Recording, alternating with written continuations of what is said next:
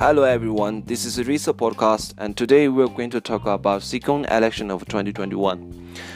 The reason that why I choose this topic in today's conversation is to promote and create a better understanding of the election and most importantly to remind Tibetan youngsters that it is crucial to have a better knowledge and um, better wisdom for voting and choosing our leader who you think is accountable and most responsible for the Tibet cause.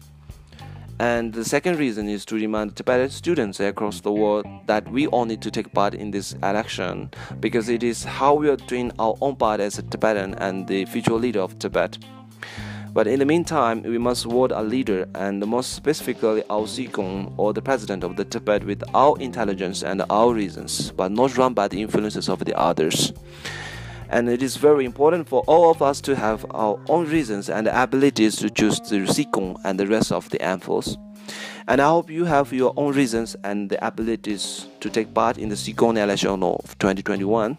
And thank you for listening to my podcast, and I will see you in the next episode. Thank you.